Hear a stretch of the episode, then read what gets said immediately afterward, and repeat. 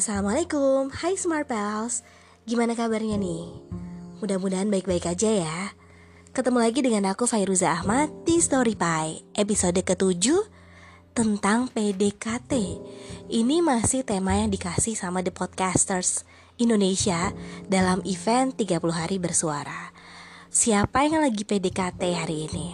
Hmm, aku juga lagi mau ngebahas tentang PDKT nih Tapi bukan PDKT yang semacam itu ya PDKT dengan lawan jenis gitu Dalam arti mainstream seperti yang kita tahu gitu. Tapi yang aku mau omongin sekarang ini adalah PDKT dengan anak Atau istilah parentingnya adalah bonding. Sebenarnya apa sih yang disebut bonding sama anak itu? Jadi bonding itu bisa dibilang uh, sebagai sebuah kerekatan atau kedekatan dengan anak membangun komunikasi intens, membangun perasaan hangat dan juga nyaman. Pokoknya intinya kita deket bukan hanya secara fisik, tapi juga secara emosional sama anak-anak kita. Kenapa sih kok penting bonding untuk anak? Ya, dalam pendidikan-pendidikan parenting nih dijelaskan bahwa bonding ini sangat berpengaruh terhadap tumbuh kembang anak. Jadi bonding ini memberikan stimulus-stimulus untuk anak. Makanya kalau ibu hamil ini disarankan sudah membangun bonding dari semenjak si anak dalam kandungan.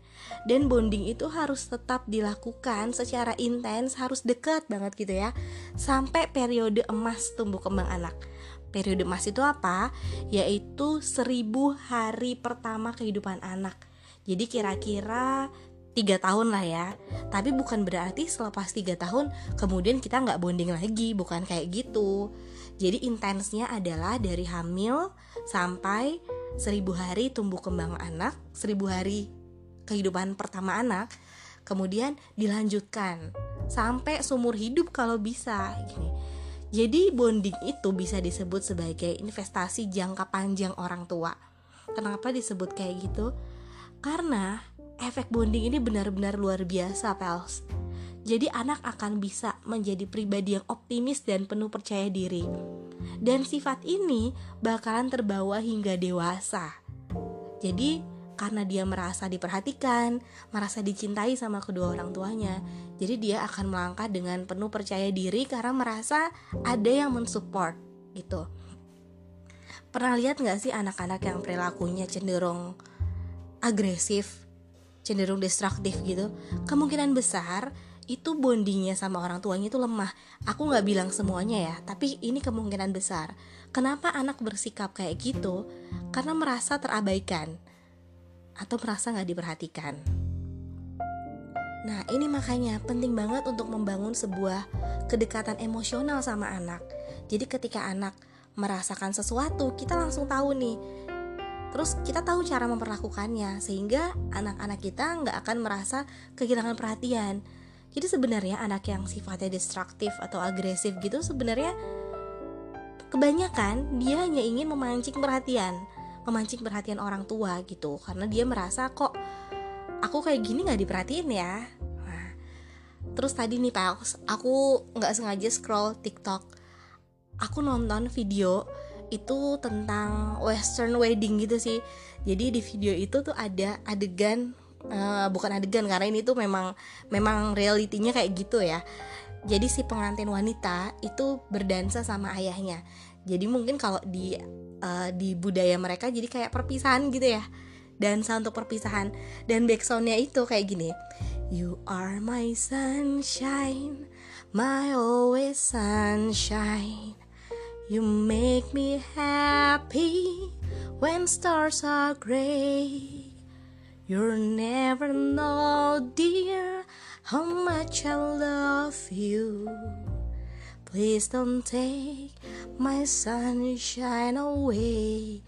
Nah lagi berdansa dengan background itu Kemudian sang ayah ini kayak tiba-tiba menyadari sesuatu terus nangis gitu Terus akhirnya si mempelai perempuan ini yang merupakan anak dari si bapak ini yang mereka yang mereka berdansa barengan itu bilang uh, bilang kayak gini do you remember that?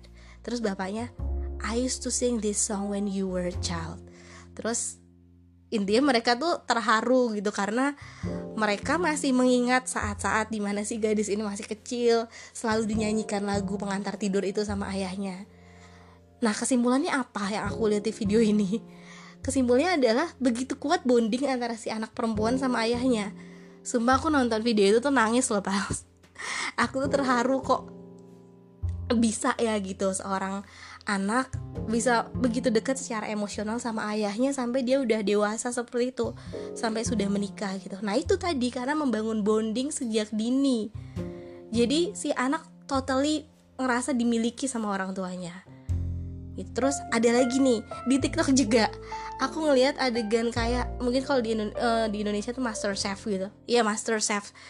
Ini uh, pesertanya dia kesulitan buka apa sih buka jar mungkin isinya seperti bumbu gitu ya.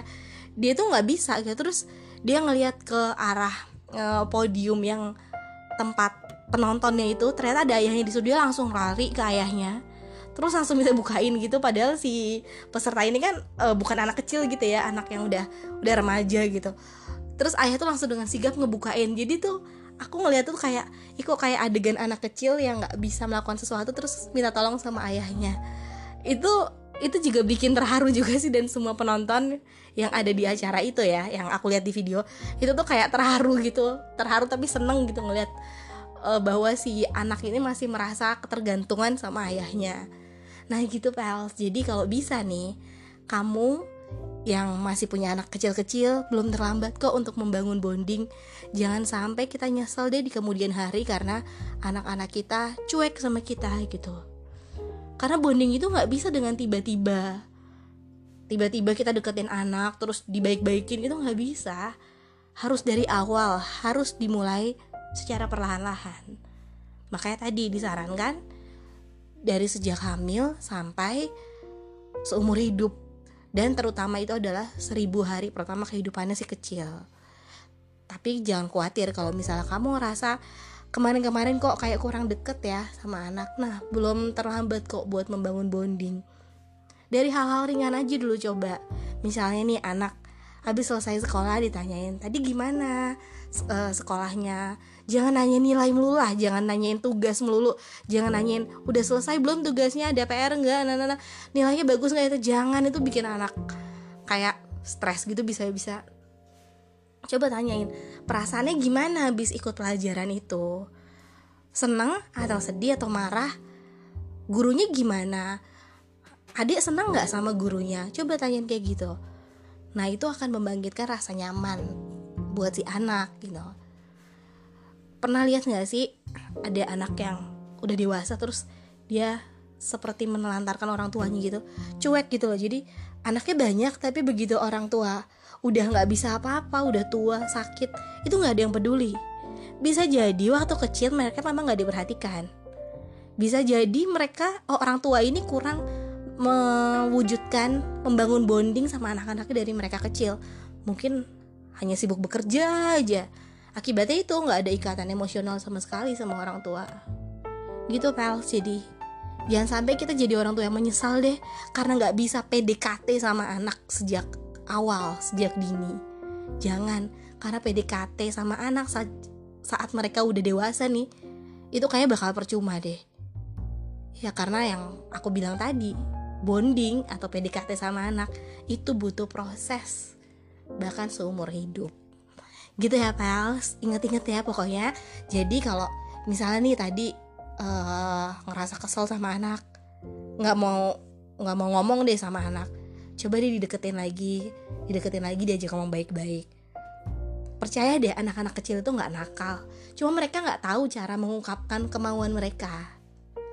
Bisa dicoba mulai hari ini ya sejak kamu dengerin podcast ini Oke, kita ketemu lagi besok ya dengan tema yang berbeda dan juga tentunya gak kalah seru. Aku Fairuza Ahmad, makasih udah dengerin sampai terakhir. Bye-bye.